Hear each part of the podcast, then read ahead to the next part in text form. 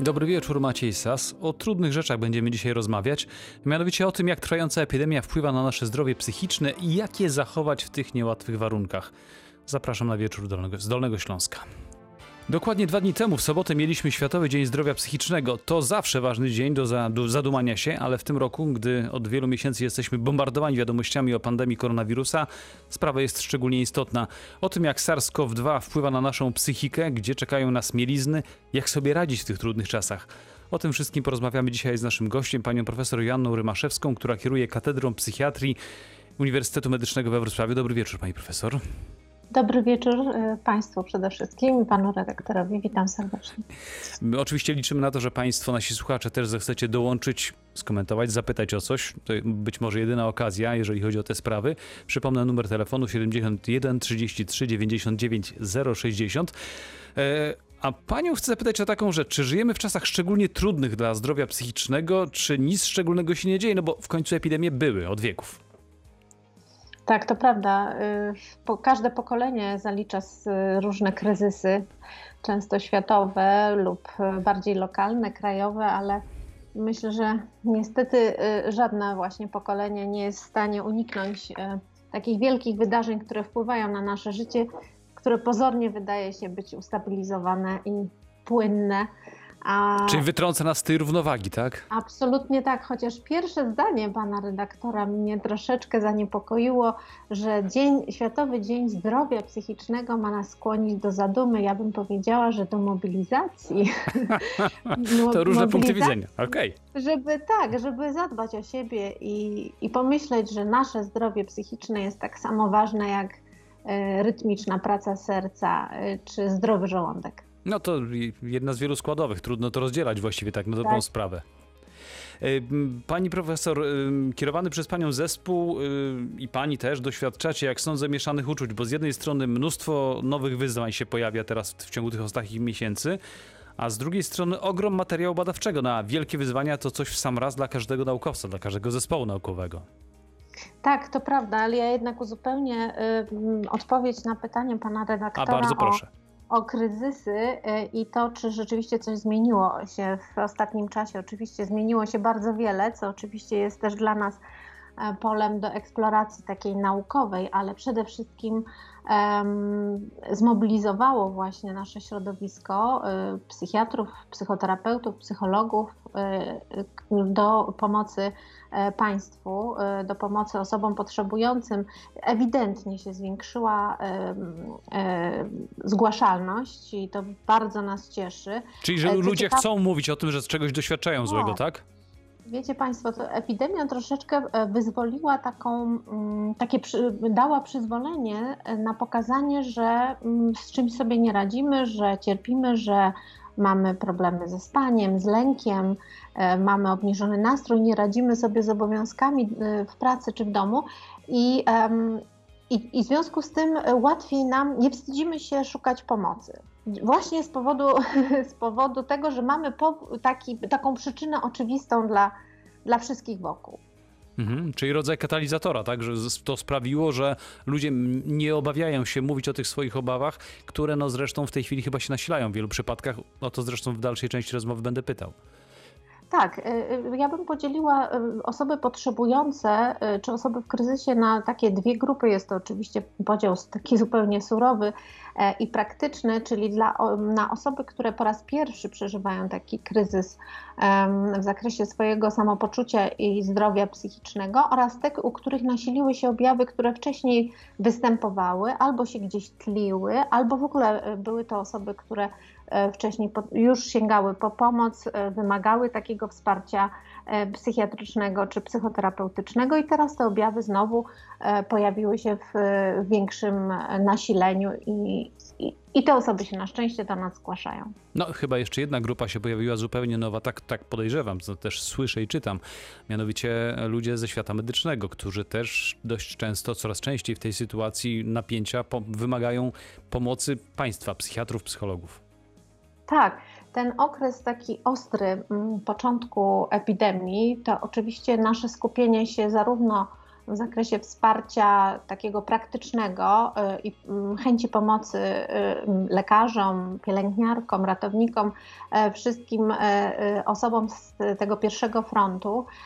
I, I tutaj się oczywiście ujawniło wiele takich potrzeb, ale również oporu przed E, przed takim mm, wsparciem z uwagi na to, że te osoby były niezwykle zajęte.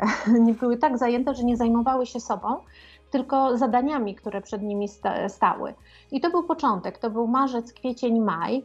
Natomiast później się okazało, że y, pewien kryzys czy takie załamanie e, y, dobrego samopoczucia przeżywa wiele osób, w tym studenci, które przecież nasz Wrocław to jest to jest miasto e, akademickie e, i mamy tysiące, setki tysięcy studentów, e, którzy tworzą naszą społeczność wrocławską. Bardzo różnorodnych ludzi zresztą.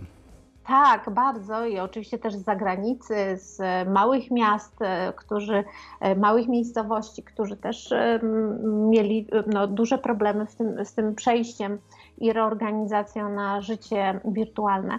Ale to później się pojawiła i to dość szybko grupa, mm, dość duża grupa y, nauczycieli, później y, dzieci, w sensie oczywiście dzieci uczących się, prawda, e, e, rodziców tych dzieci, którzy musieli się zajmować nimi. Czyli e, właściwie każdej grupy dotknęło w jakimś stopniu to, te, te problemy. Tak, to się rozprzestrzeniało. Zresztą Państwo wszyscy to obserwowali i wszyscy doświadczaliśmy tego. To nie, to nie jest żadne odkrycie tylko, e, tylko tak naprawdę to się, mm, mm, ta potrzeba e, e, wsparcia, jednocześnie jakieś takie reakcje, które, które czasami były, mm, no, wymagały jakiejś interwencji, to, to rozprzestrzeniały się przecież nie tylko po szpitalach, po szkołach, po miejscach pracy, ale również po ośrodkach pomocy społecznej. Wszystkich miejscach, które, które mm, dotknęło mm, powiedzmy ten lockdown i w ogóle różne restrykcje, ale też oczywiście e, e, były bardzo pozytywne pozytywne strony medalu i to też o tym nie należy zapominać, o, o tym jak, jak bardzo zmobilizowali się mm, ludzie, my, wrocławianie, dolnoślązacy, jak się zorganizowaliśmy i, i chcieliśmy pomagać innym. Pani profesor, proponuję, żebyśmy tu postawili kropkę, bo chciałbym Panią o bardzo różne grupy i różne problemy z tym związane i o Państwa badania, bo przecież Państwo bardzo dużo badań rozpoczęliście w tym czasie trudnym. Tak. Teraz mamy drugi, drugi okres właściwie, kiedy te, część przynajmniej z tych wniosków będzie można wykorzystać. E, więc zaraz do tej rozmowy wrócimy, a na razie dajmy szansę na, kojącą, ko, na kojące działanie Joe Cockerowi. 20.20 w wieczorze z Dolnego Śląska rozmawiamy o zdrowiu psychicznym w dobie koronawirusa, epidemii, masy informacji, które nas otaczają w tym czasie. E, naszym gościem jest dzisiaj pani profesor Joanna Rymaszewska, e, kierownik Katedry Kliniki Psychiatrii Uniwersytetu Medycznego we Wrocławiu. Pani zespół w czasie trwania tej epidemii rozpoczął kilka dużych programów, co znaczy, że żyjemy w bardzo ciekawych czasach, zwłaszcza państwo. Jakie są najpoważniejsze problemy związane z pandemią? To, jak sądzę, wiecie już Państwo nie tylko na podstawie Waszej pracy w ostatnich miesiącach, ale też badań prowadzonych w Pani klinice. E, tak, e, oczywiście przede wszystkim warto wspomnieć o programach wsparcia, bo to e, od razu mm, Czyli pomoc bezpośrednia. Tak, tak, bo, bo to nie jest tak, że my tylko jak się pandemia zaczęła, to zaczęliśmy badać wszystkich, a nie wspierać. Zaczęliśmy od wspierania, a później się okazało, że, że możemy przy okazji rozpocząć badania i tutaj wielkie podziękowania dla całego zespołu doktorantów u nas, e, którzy bardzo się zaangażowali właśnie e, w tworzenie mm, tych programów wsparcia. Potem, e, potem już przygotowaliśmy różnego rodzaju ankiety, które kierowaliśmy zarówno do środowiska, mm, środowiska medycznego, czyli z tego pierwszego frontu e, na początku e, epidemii, ale również później popełniliśmy taką ankietę ogólnopolską, której badaliśmy wszystkie osoby, które zdecydowały się mm, wypełnić ją w bardzo krótkim czasie. Zebraliśmy ponad 2000 ankiet. Czyli będzie które... co badać teraz i przemyśleć. Tak, już pierwsze publikacje międzynarodowe poszły, proszę Państwa, ale najważniejsze to wnioski E, które rzeczywiście skłaniają e, do refleksji. I tutaj dla Państwa, słuchaczy, myślę, że interesujące pewne są e, takie refleksje, które wynikają z, z właśnie z tych, w tych odpowiedzi, a mianowicie duża grupa osób przeżywa dominujące właściwie te objawy, które są zgłaszane. To są objawy związane z zaburzeniami snu i E, i tym rytmem e, całodobowym to jest e, taka oczywistość, że jak się stresujemy, odczuwamy lęk, gorzej śpimy, gorzej wypoczywamy, następnego dnia gorzej się czujemy, jesteśmy słabsi. I nakręca się dookoła coraz bardziej. To wszystko nakręca. Natomiast druga, drugie grupa objawów to są objawy, które my nazywamy somatyzacyjnymi lub pod postacią somatyczną. Krótko Czyli? mówiąc, to są różnego e, mm, rodzaju objawy z naszego organizmu, z naszego ciała, które w ogóle nam się nie kojarzą z zdrowiem psychicznym, z psychiatrią, z e, emocjami czy złymi emocjami typu depresja czy lęk, a mianowicie e, tachykardia, kołatanie serca, duszność, parestezję, czyli takie mrowienie, potliwość nadmierna, dolegliwości brzuszne, czyli jelitowe, przeróżne, przeróżne objawy skargi, które tak naprawdę nie kojarzą nam się z psychiatrią, a, a de facto. A wynikają mogą, z tego tak naprawdę w dużej mierze. Wynikają z lęku, z lęku, bo lęk generuje różnego typu, uruchamia różnego typu mechanizmy e, i ciało odpowiada na ten lęk. I często lęk jest nieuświadamiany. My nie, nie zdajemy sobie sprawy, że jesteśmy wylęknieni, że odczuwamy e, duży niepokój. Ten niepokój jest coraz, e, coraz większy, ale nasze ciało to pokazuje. I, I mówi wtedy... nam to, tylko trzeba zrozumieć, co mówi. Tak, i wtedy powinniśmy też e, pomyśleć o, o tym, żeby zgłosić to lekarzowi, oczywiście swojemu lekarzowi, któremu ufamy. To może być lekarz rodzinny, może być kardiolog, endokrynolog. Każdy z nas ma swojego zaufanego lekarza. Ulubionego, tak. No, ulubionego, tak, do którego chodzimy, bo, bo musimy, czy dzwonimy, bo musimy. E, to jest, to jest ten aspekt, na który chciałabym Państwu zwrócić uwagę, bo to, się, e, to, to, to, teraz możemy w, tym, w, tym, w tej zmieniającej się szybko rzeczywistości, w tych nawale informacji, różnych restrykcji i, i, różnych e, ograniczeń, może nam umknąć to, że musimy zadbać o siebie i troszeczkę siebie poobserwować.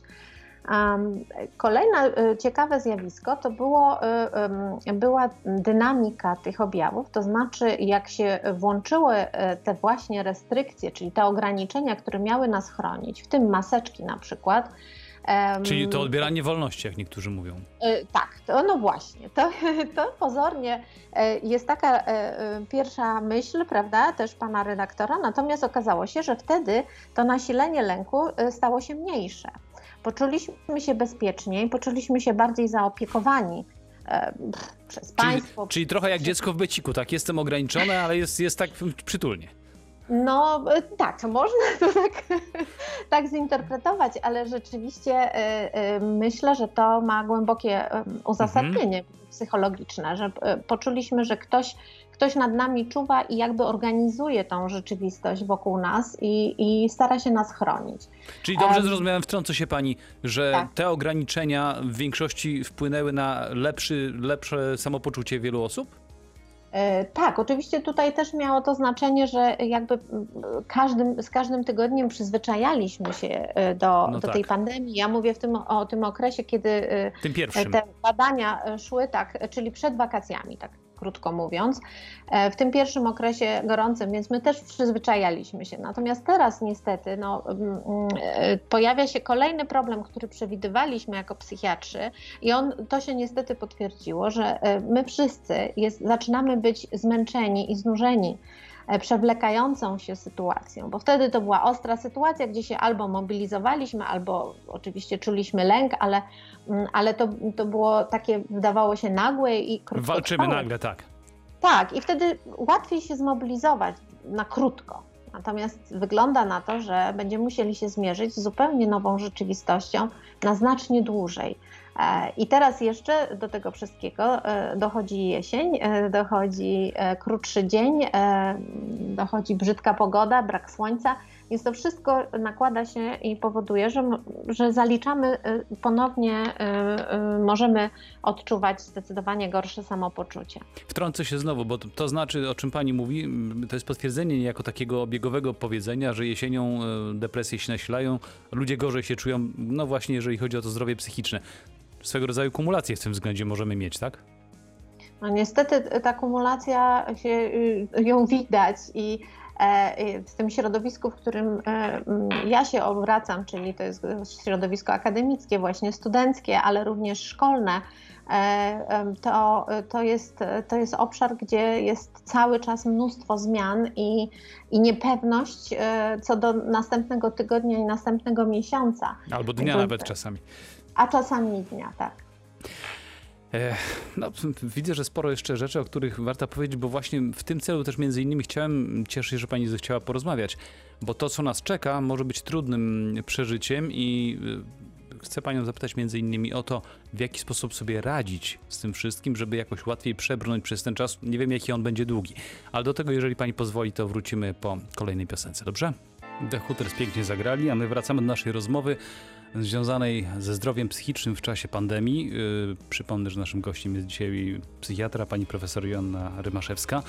Yy, przed chwileczką wspomniała pani o tym, że te wyniki państwa badań można w tej chwili przenieść już na to, co się dzieje. No, dzieje się i będzie się działo chyba więcej, bo czas niepewności wcale nie zamierza przemijać, czyli koronawirus wcale nie zamierza ustępować. E, jedną z takich rzeczy, które bardzo mocno są akcentowane jest samotność. Oczywiście nie można tutaj mitologizować, mówić, że każda samotność jest zła, ale wiele osób, które są same, zwłaszcza pozostają długo w kwarantannie, w izolacji, ma z tym problem. I podejrzewam, że do Państwa też się odzywają tacy ludzie i to częściej niż kiedyś. E, tak, rzeczywiście e, ta samotność dotyka wszystkich, którzy nie mają oparcia bezpośredniego w bliskich.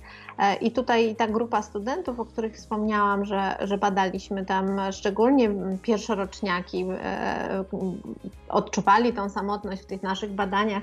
E, były nawet takie dramatyczne sytuacje, kiedy dobrze, dobrze zapowiadający się student, zdający świetnie mm, sesję zimową, jak się pojawiła pandemia, nie, nie był w stanie się uporać z tą, tym życiem online, nie zdążył zbudować środowiska, był samotny, był zamknięty w jakimś wynajętym e, pokoju. Małe więzienie to, to, swoje to, własne, tak? Jest, tak, tak, to są młodzi ludzie. E, e, oczywiście mm, cała grupa y, starszych, o których jeszcze nie wspomnieliśmy, który też e, tutaj mieliśmy szansę udzielać e, wsparcia, ale również prowadzić badania naukowe, zarówno w tych ośrodkach naszych e, DPS-owskich, czyli domach pomocy społecznej, jak i w ogóle mamy dużą tutaj współpracę z naszym MOPS-em wrocławskim, e, to e, e, okazało się, że rzeczywiście ta izolacja zadziałała dramatycznie. Zresztą były te relacje i w mediach przez Państwa,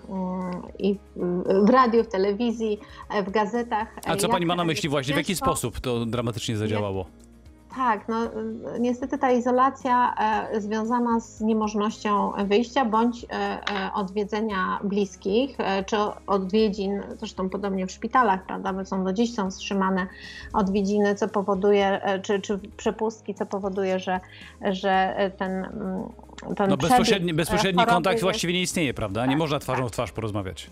Dokładnie tak. E, I um, wydaje się, że bardzo wiele takich czynników, które um, mogłyby sprzyjać lepszemu e, samopoczuciu um, osób z otępieniem, osób e, starszych, przebywających No szczególnie trudnie, trudnej sytuacji są. Tak, byli wyjątkowo trudne i mm, ta pomoc, która szła i oczywiście wsparcie dla też pracowników i, i mobilizacja pracowników tam w tych ośrodkach była związana raczej z technicznymi sprawami, żeby, żeby y, powiedzmy dostarczyć e, pożywienia, zadbać o higienę, Natomiast e, e, już albo nie starczyło sił, czasu, energii i możliwości dostępu na przykład do, do psychologa, do terapeutów, żeby zadbać o zdrowie psychiczne tych, tych mieszkańców. I to tutaj wydaje się jest dobrą wskazówką na przyszłość, żeby... Nawet nieodległą żeby... przyszłość, właściwie ta przyszłość już się dzieje w tej Teraz, chwili. Ona, to już jest nasza teraźniejszość, tak, to ma Pan rację, że, że powinniśmy e, myśleć również o tym, żeby zadbać o ten komfort i e, dobre samopoczucie psychiczne, bo od tego bardzo wiele zależy. Osoby starsze, samotne, które we Wrocławiu na przykład mamy bardzo dużą sieć klubów e, seniora, E, ten, ten, to takie środowisko, które buduje relacje społeczne, wypełnia pustkę po e, utracie bliskich, po, e, po odejściu dzieci. Które... Po kurczących się relacjach takich międzyludzkich w ogóle, prawda? Tak.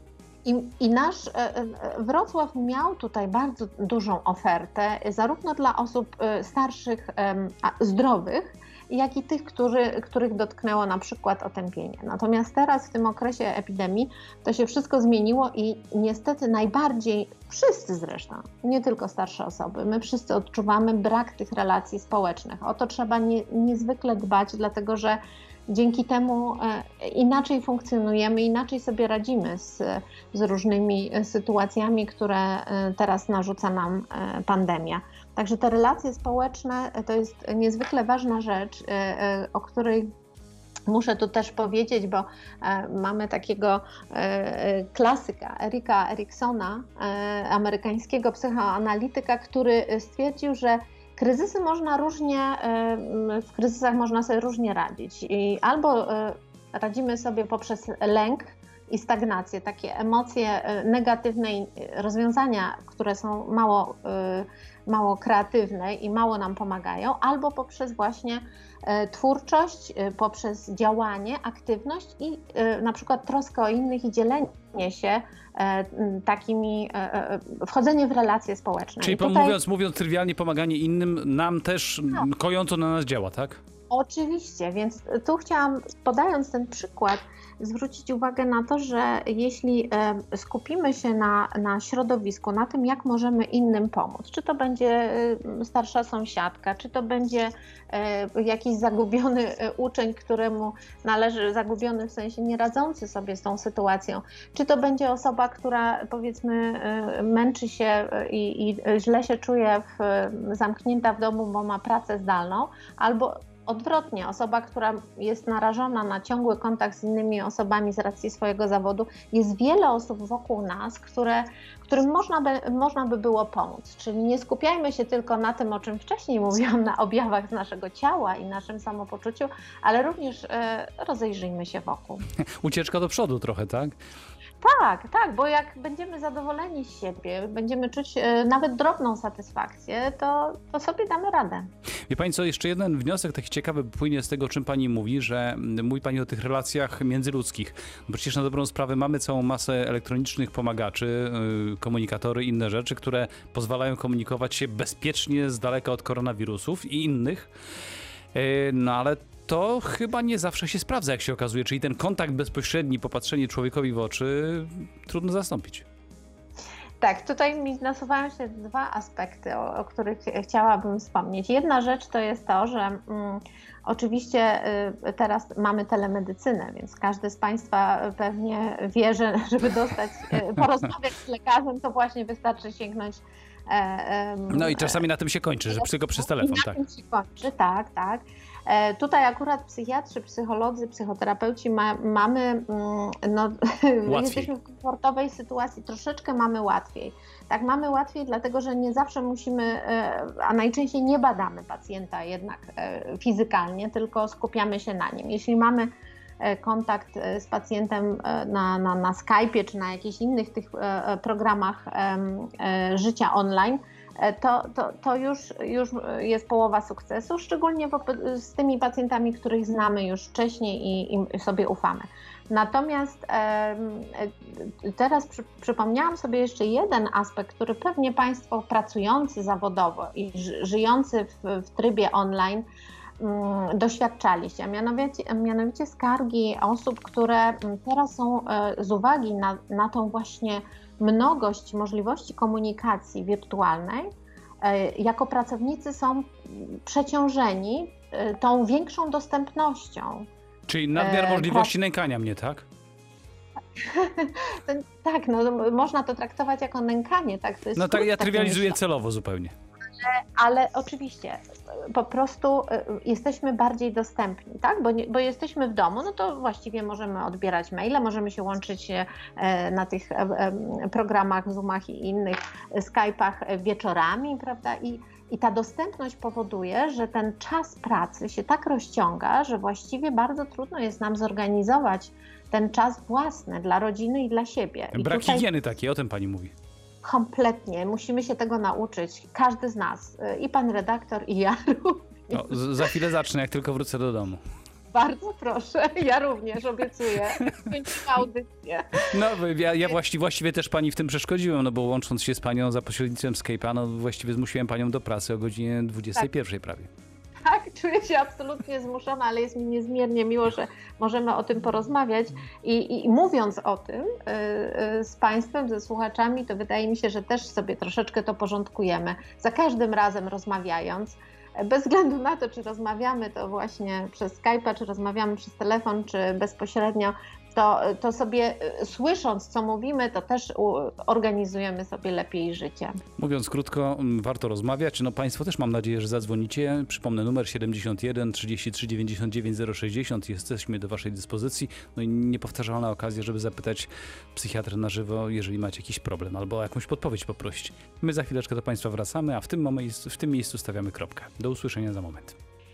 Zdrowie psychiczne w dobie koronawirusa. O tym rozmawiamy w wieczorze z Dolnego Śląska z panią profesor Joanną Rymaszewską, e, psychiatrą.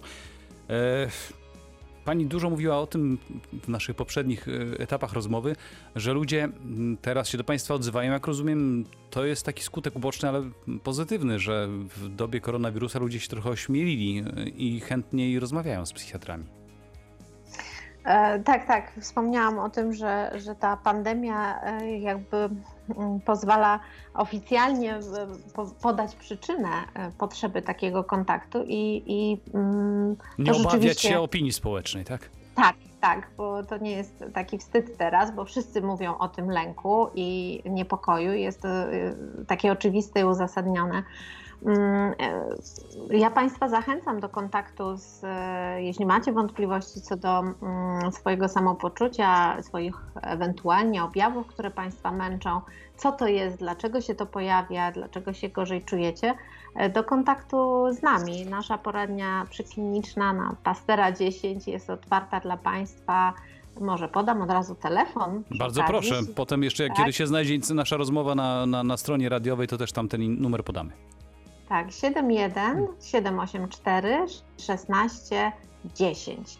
To jest telefon do naszej pani, niezawodnej pani Danusi, która odbiera e, wszystkie telefony. Jeśli nie odbierze, to znaczy, że akurat przełącza kolejne telekonsultacje do kolejnych gabinetów, gdzie czekają na Państwa zarówno psychiatrzy, jak i psycholodzy i psychoterapeuci. Każdy może zadzwonić, czy trzeba mieć jakieś skierowanie? Proszę powiedzieć od razu. Nie, nie, żadnego skierowania nie trzeba. Do poradni zdrowia psychicznego możemy się zgłaszać e, po prostu, jeśli czujemy taką potrzebę. To też jest ważna informacja dla Państwa.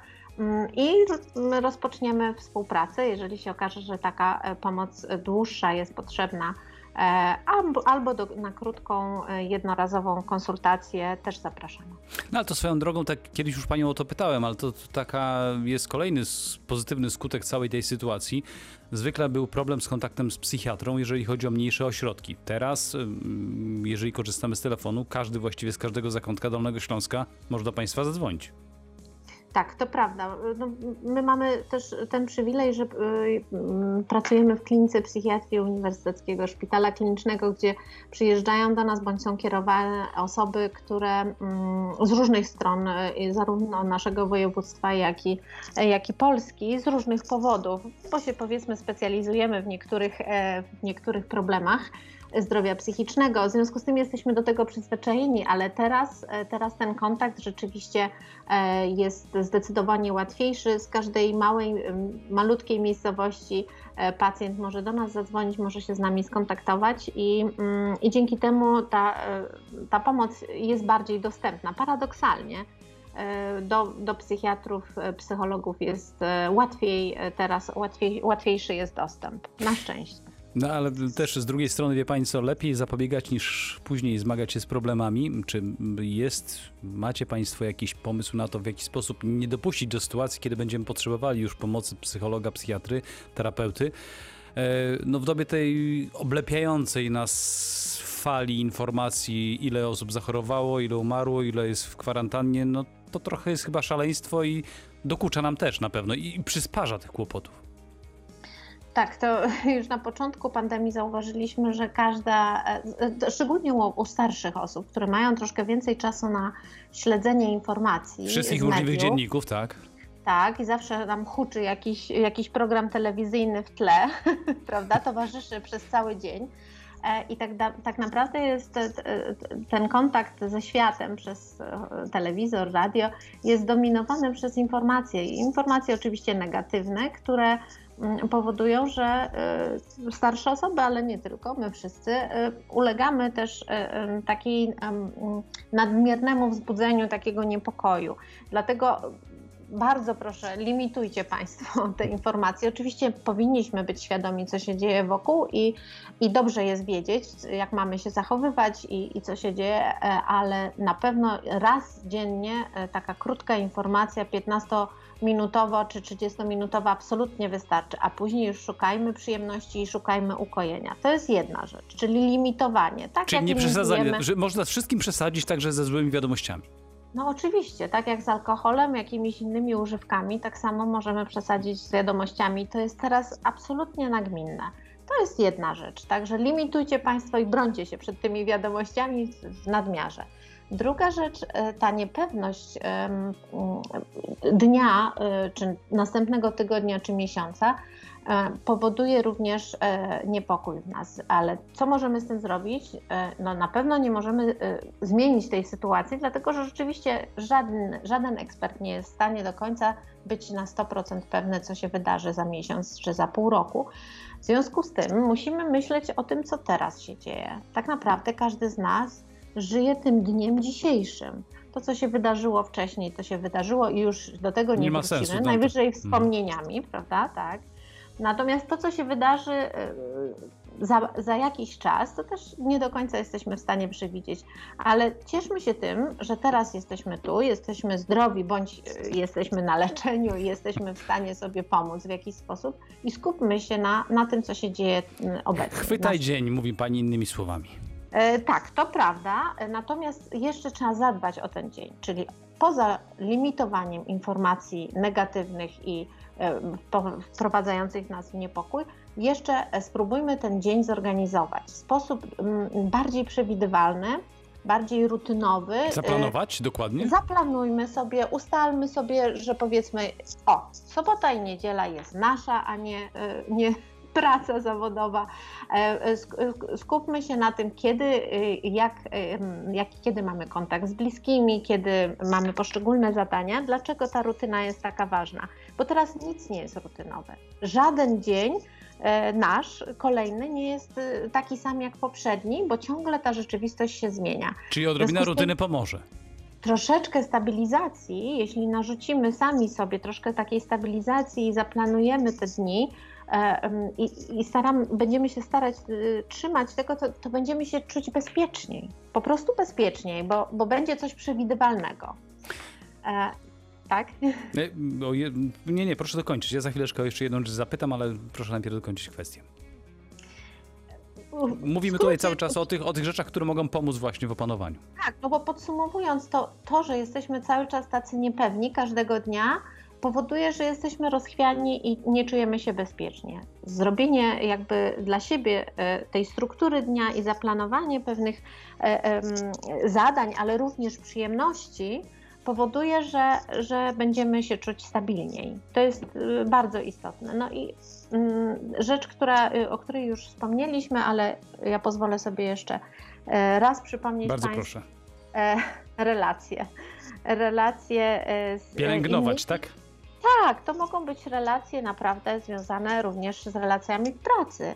E, przecież wszędzie mamy ludzi, których e, bardziej e, lubimy, z którymi czasami nie mamy czasu porozmawiać, a powinniśmy chociaż 5 minut im poświęcić. Także dbajmy o te relacje, bo wtedy będziemy się czuć zdecydowanie lepiej i właśnie bezpieczniej. A tego bezpieczeństwa chyba najbardziej nam teraz brakuje każdego dnia. Ja tylko jeszcze o jedną rzecz chciałem Panią zapytać, bo mówi się dużo o tym, że tak naprawdę efekty, czy może nie efekty, a skutki tego wszystkiego, co się dzisiaj dzieje, będą do naprawiania przez kilka najbliższych lat. Y, rzeczywiście tak może być? Jak Pani sądzi?